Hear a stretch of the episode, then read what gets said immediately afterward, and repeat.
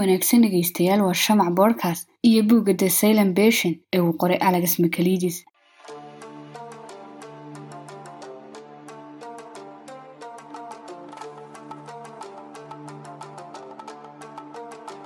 alice berenson waxay jirtay saddex iyo soddon sano markii lagu soo eedeeyey dilka ninkeedii gabriel oo jiray da-da afar iyo afartan sano.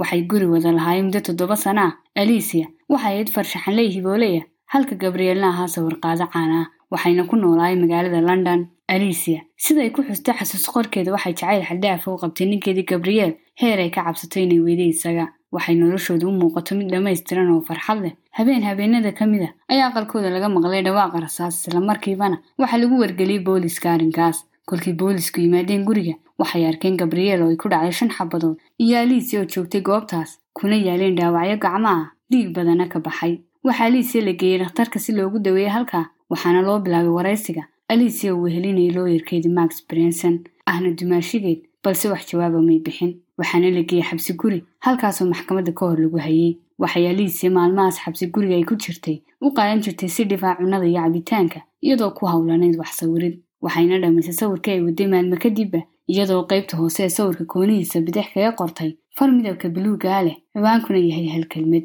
Elsestis elsestis waa qiso gariiga oo ku saabsan gabadh ninkeeda u hurtay nafteeda. Kadibna dib ka soo noolaatay oo hadal qabtay. Alicia waxay wajahday maxkamadda balse marnaba lagama maqal wax hadala oo isku difaacdo waxaana lagu qaaday dembigii lagu eedeeyey. Waxaanu maamulaha waaxda cilmi nafsiga ee dhakhtarka dhimirka oo magaciisu yahay dayomidis uu u soo jeediyey maxkamadda in alicia aanay maskaxaan fayoobeen maadaama aanay eedaha iska difaacin oo dhakhtarka dhimirka loo gudbiyo halkii xabsi la geyn lahaa iyadoo islamarkaana loo gudbiyey dhakhtarka dhimirka oo halkaa dhayma maskaxid loogu waday tio fever oo ah dhakhtar khuseeye cilmi nafsiga qaybta dembiyada ayaa go'aansaday inuu shaqada ka bilaabo dhakhtarka dhimirka. Markii booskii shaqadu bannaanaaday lix sano kadib dhimashadii gabriel wuxuuna si weyn u rabay inuu alicia ka caawiyo inay dib u hadasho daahna ka qaado dhacdooyinka ku gadaamin dilkii dhacay kadib markuu shaqada ka bilaabay dhakhtarka wuxuu tia u soo jeediyey maamulka. In laga kala dhimo alicia xadiga badan ee dawooyinka la siinayo wuxuuna codsada inuu la kulmo iyada culayska dhakhtarada kalena laga qaado. Wuxuu tia isku dayay inuu la hadlo alicia una sheegay inuu rabo caawinteeda balse alicia waxay bilowday dagaal iyo inay cunaha ceejiso iyadoo dirqi lagaga furfuray dawooyin dajiyaal ahna lagu muday. Markii uu tia sii gudagalay taariikhda alicia wuxuu ogaaday inay ahayd xaas daacada iyo weliba farshaxanley la jecel yahay wuxuu sidoo kale dib u raacay xidhiidhada ay la lahayd ehelkeedii alicia. Waxay yaraanteedii ka badbaaday shil gaadhi oo ay hooyadeed ku dhimatay. Waxa haysatay cabsi yaraanta ay ka soo qaaday shilkaas oo ay sawir farshaxana ku muujisay. Waxay la soo kortay aabaheed eedadeed iyo wiilka eedadeed dhashee lagu magacaabo bool. Xidhiidhka kala dhexeeyey eedadeed iyo aabaheedna ma fiicnayn sidoo kale wuxuu tia ka helay feel lagu ururiyey xogta alicia lambarka max oo ahaana loo yarkeeyey dilka kadib kolkii wacayna waxaa ka qabatay lambarka xoghayntiisii waxayna u sheegtay inuu safar ku maqan yahay max. Markii uu soo laabtana ay u sheegi doonto. Markii uu max ka soo noqday safarkii wuxuu la xidhiidhay tio wuxuuna uga warbixiyey intii uu ka ogaa noloshii qoysnimo ee gabriel iyo alicia iyo sidoo kale habdhaqankii alicia. Walow uu ka dareemay inuu wax ka qarinayo. Max wuxuu u tilmaamay tio inuu la xidhiidho jiin saaxiibkeedii koowaad ee alicia ahna maamulaha sawiradii farshaxanka ee lahayd alicia tio wuxuu la kulmay jiin wuxuuna uga warbixiyey jiin aqoontii uu lahaa alicia ilaa waagi ay dhigan jireen dugsiga farshaxanka lagu barto wuxuu wax ka weydiiyey in alicia laga filan karo dilka gabriel. Wuxuuna ugu jawaabay maya oo maalmihii ka horreysay dilka ay kulmeen uuna ka dareemin wax ku keeni kara arrinkaa ayna caadi ahayd. Wuxuu tia isweydiiyey haddii jiin oo saaxiibkeed rumaad ahaa uu jeclaa alicia inuuna dul joogay sawiradeedii ee maalinuna xataa booqan lahaa si farshaxankeeda inuu ku jeclaa. Waxaana sidaas si la mid ay alicia ku xustay xasuus qorkeeda in jiin farshaxankeedu kala weynaa xidhiidhkooda saaxiibtinimo. Wuxuu jiin u sheegay tio in haddii la rabo in alicia hadasho loo ogolaado inay wax sawirto maadaama sawirada alicia fariimo ka turjumaan wuxuuna tio ku qanciyay maamulka dhakhtarka arrinkii waana loo ogolaaday waxay alicia dib u bilowday farshaxamayntii kolkii ay dhammaysay sawirkii oo ku saabsanaa dhakhtarka oo gubanaya iyo tio oo sida alicia? Wuxuu sheegay tio in ujeedada sawirka uu kala garan waayey inuu alicia dabka ka badbaadinayo iyo in isagu ku tuuray dabka. Dhakhtarka dhimirka waxaa timi gabadh deriska alicia ahayd oo lagu magacaabo barbi helman barbi waxay ahayd qofkii ugu horreeyey booliiska wacaa habeenkii dilka waxayna ayaamihii u dambeeyey dilka ka hor ahayd. Dadkii ka agdhowaa alicia xuutiya maqla muran isdhaafsi dhex marayay barbi iyo stephen oo ahayd maamulaha dhakhtarka una sheegaysay barbi in sharcigii dhakhtarka la bedelay soona hadasho ka hor intayna iman wuxuuna aqoonsaday barbi inay ahayd gabadhii jaraa'idada ku sawirnayd ayaamihii dilka gabriel isagoo bilaabay inuu isku sheego barbi ahaanshihiisa dhakhtarka alicia.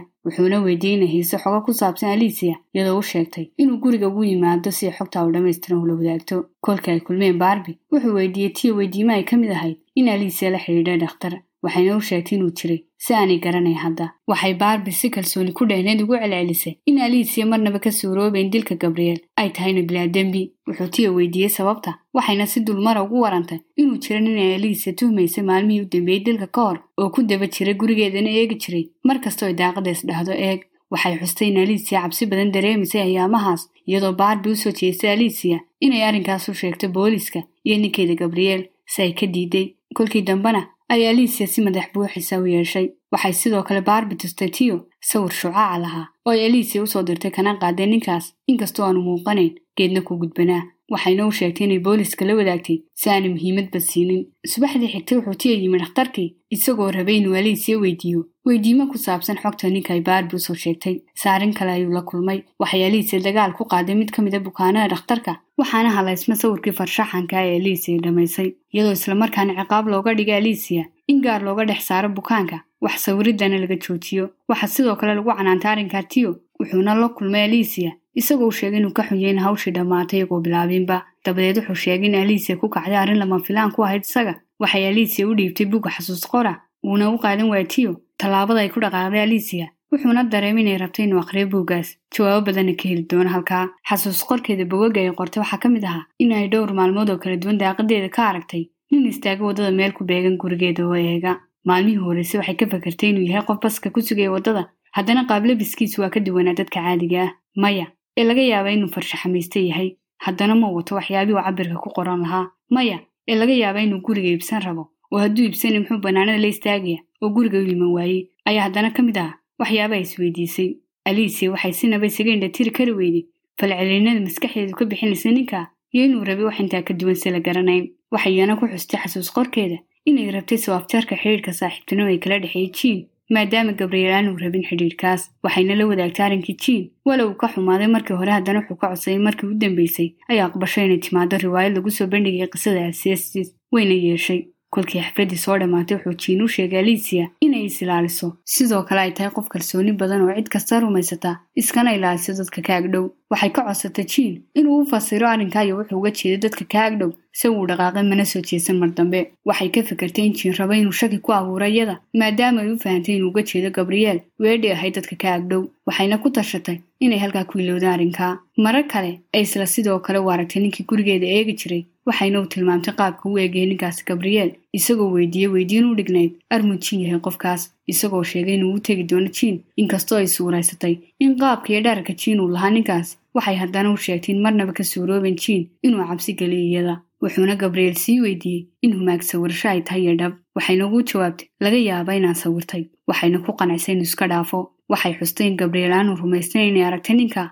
Uu mooday inay sawiratay cabsi gudeedna haysto uun waana waxa iga cadhaysiinaya ayay dhahday sidii ay kolba u sii aadisay aragtidii ay arkaysa alicia ninkii uguna sheegtay gabriel. Wuxuu ka codsaday gabriel inay dhakhtar westi oo saaxiibkii ay mar kale u tagaan. Dawooyin ay qaadato. Wuxuu raadiyetiyo dhakhtarkii la xidhiirtay alicia dilka ka hor. Kaasoo ugu dambeyntii noqday christiin nin jooga dhakhtarka oo ka mid ahaa dhakhtarada dawooyinka ku qorna alicia intaanu dhakhtarka dhimirka iman tiyo? Lana wareegin mas'uuliyadda alicia wuxuu weydiinaya sababtuu christiin arrinka u sheegi waayey. Ee isu qariyay wuxuuna sheegay in gabriel saaxiib ahaayeen. Kolkii alicia maqashay warka dhiilada ahay laga soo sheegay isdaldalaada aabaheed ay gashay isku buug humaag sawirasho iyo werwer taasoo keentay in gabriel christiin la xidhiidho. Alicia waxay xustay inay nabcad dhakhtar west ahna christiin laga soo bilaabo markii u horreysay ay la kulanto oo ahayd dhimashadii aabaheed kadib si gabriel dartii ay u yeeshay. Labadii goor ay la xidhiidheen iyadoo nabcad weydiimaha kakan ay weydiin jira christiin iyo sida uga dhigo inay tahay qof aan xiskeedu dhammayn hadhowna dawooyin badan ugu soo qoro. Wuxuuna tiyo u ballanqaaday christiin inaanu cidna la wadaagi doonin arrinka oo dhakhtarka ka mid ah.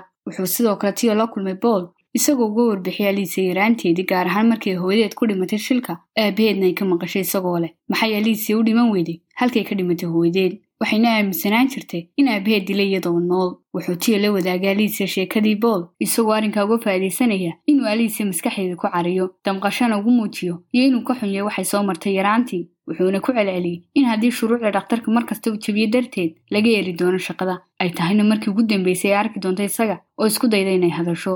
Wuxuuna ku guulaystay tiyo inuu alicia ka hadal siiyo waxayna dhahday haye waxay maalmihii xigay si kala joogsi lahayn wada hadlayen tiyo iyo alicia maadaama aanu dhammaystirnayn buugga xasuus qorka ee alicia u dhiibtay. Tiyo wuxuu weydiiyey intii u dambaysay sheekada waxa dhacday khaasatan ninkii markuu guriga yimi waxayna uga sheekaysay sheeko dheer. Oo gunaanadkeedu ahay ninkii dilay gabriel lix xabadoodna ku dhuftay. Tiyo uu ka tegay alicia wuxuuna uga warbixiyay arrinkii deomidis isagoo rumaystaa inay been sheegayso isagoo ku sababiyey inay dhahday gabriel lix xabadood baa lagu dhuftay halka shan lagu dhuftay. Ta lixaadna saliiga ay ku dhacday. Sidoo kale aanay ku darin sidii xadhkaha looga furfuray iyada markii booliisku ugu yimaadeen iyadoo dhex taagnayn qolka mugdiga xadhkana ku xidhnayn dhanka kale. Tiyo wuxuu yaraantiisi la daaladhacayay mashaakilo qoyskiisa kaga imanayay gaar ahaan aabihii markii weynaaday gaadhayna heer jaamacadeed. Wuxuu dib ka xasuusanayay mashaakilkii yaraanta isagoo wajahayay welwel iyo walbahaar ay ku reebeen saamaynta weedhihii aabihii odhan jiray oo ay ka mid ahayd inuu yahay maguulayste wuxuu sida ahaado wuxuu la xidhiidhay dhakhtar cilmi nafsiga baratay laguna magacaabo ruuth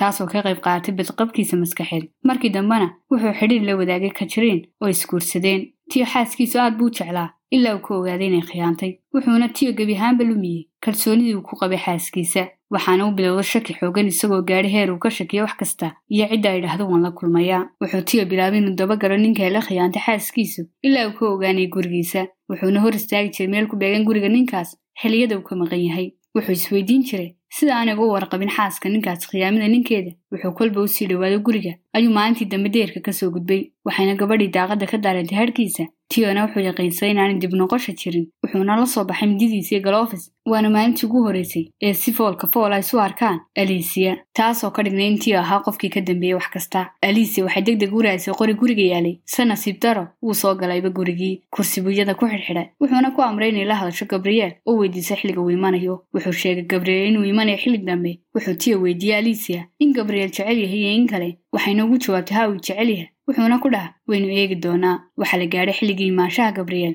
Waxaanu gabriel yimi guriga oo mugdi ah. Isla markiiba wuxuu tiyo jug madaxa kaga dhuftay gabriel wuuna miir beelay. Markii uu soo miiraabay gabriel wuxuu arkay isagoo ku xidhxidhan kursi.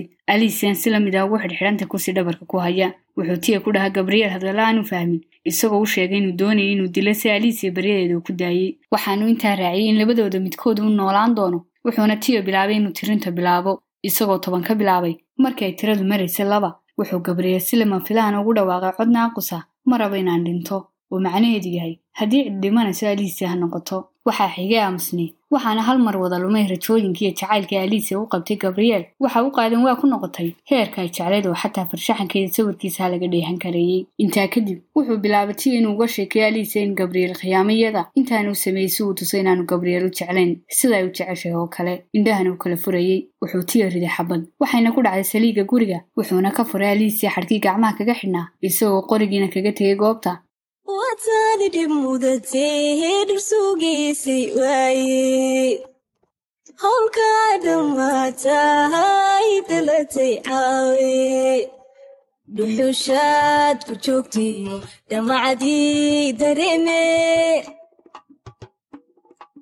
del del ma joogte del del ma joogte dhab dhabu fiirso dhab dhabu fiirso weligaa wuxuu gabriel ku dhawaaqay aliisia aliisia waxayna dhahday aliisia gabriel wuxuu igu xukmay dhimasho kuwa dhintayna ma hadlaan waxayna aliisia iska furtay xadhkii lugaha kaga xidhnaa iyadoo qaatay qorigii soona dul istaagtay gabriel oo kursigii ku xidhxidhan weli wuxuuna ku dhaha aliisia ma noosha waa ilaahay mahadi waxayna ku furtay xabadihii iyadoo sheegtay inuu gabriel dilay iyadoo se ay keliya xabadaha ku furtay. Waxayna ku xustay xasuus qorkeeda in maalintii koowaad ay tiyo ku aragtay dhakhtarka ay aqoonsatay qaabkiisa urta sigaarkiisa iyo weedha uu ku beerlaxawsanaya oo ka mid ahaayeen waxaan rabaa inaan ku caawiyo oo ah kuwii uu ku lahaa isla habeenkii dilka gabriel. Tiyana maadaama uu ogaaday in aliisia ka been sheegtay dhacay dilka wuxuu deg deg u go'aansaday inuu aliisia ku mudo xaddi badan oo dawada morfiina si aysan u dhimansi kooban ay weligeed ugu jirto. Dembigii dawadana wuxuu dusha ka saaray kristiin oo uu hore ugu ballanqaaday in warkiisa uu sheegi doonin isagoo eedeyntiisa u cuskaday. In aliisia hore u yaqaanay kiiskeeda waagi la wadayna uu ka aamusay oo yahayna mid aan rabay in aliisia dib u hadasho. Sidaana ku dilayo waxaa dhakhtarka yimi booliskii waxayna kaxeeyeen kristiin iyagoo uga mahdan celiyay tiya hawsha uu qabtay. Wuxuu tiya sidoo kale raadiyey buuggii xasuus qarka ah ee aliisia waanu waayey wuxuuna niyad ahaan tiya qiranaya inaanu waxba ka ogeyn nolosha hore ee aliisia iyo in maskax ahaan ay waxyaabo badan soo martay yaraantii oo dhugleed wuxuu sheegay inuu keliya rabay inuu danaysay in la khiyaamayada uuna marnaba filanayn inay dili doonto gabriel oo haddii uu filan lahaa aanu sheegeen. Sidoo kale diomis wuxuu shaqada ka qaatay howlgabnimo wuxuuna xusa in booska uu tiya u qalma laguna wareejiyo waxaana loo sheegay tiya in xarunta caafimaad la xidi doono si xarun caafimaad oo kale bilaa xiga laga furi doono isla halkan isna uu noqon doono maamulo haddii uu aqbalo wuuna aqbala tiya isagoo faraxsan. Intaa kadib wuxuu tiya ku noqday gurigiisii oo joogta xaaskiisii kajriin wuxuuna u sheegay in mid ka mid a bukaanadiisa lagu magacaabo alicia berenson ay qaatay xaddi badan oo dawooyin ah si wax falcelina uu ka waayay dhankeeda. In yar kadib waxaa albaabka soo qaraacay kormeerihii guud ee ciidanka booliiska soo dhoweynaya saxaal waraysi kadibna wuxuu jeebkiisa ka soo saaray xasuus qorkii alicia wuxuuna sheegay in jiin uu qaaday sawirkii farshaxanka ah kana hela sawirka gadaashiisa buuggan waana halka quri aanu tiya ka baadhin buuggaas wuxuuna kormeerihii guud ee ciidanka booliisku akhriyay xasuus qorkii oo ay dhammaystirtay alicia intii aanay dawada wada gaadhin jirkeeda waxaana halkaa ku soo afjarmatay sirtii uu muddada dheer qarinayay tiyo. Howlkaa dhammaatahay dalatay caawe dhuxushaad ku joogtiyo dhamacdii dareeme del ma joogte del del ma joogte dhab dhabu fiirso dhab dhabu fiirso weliga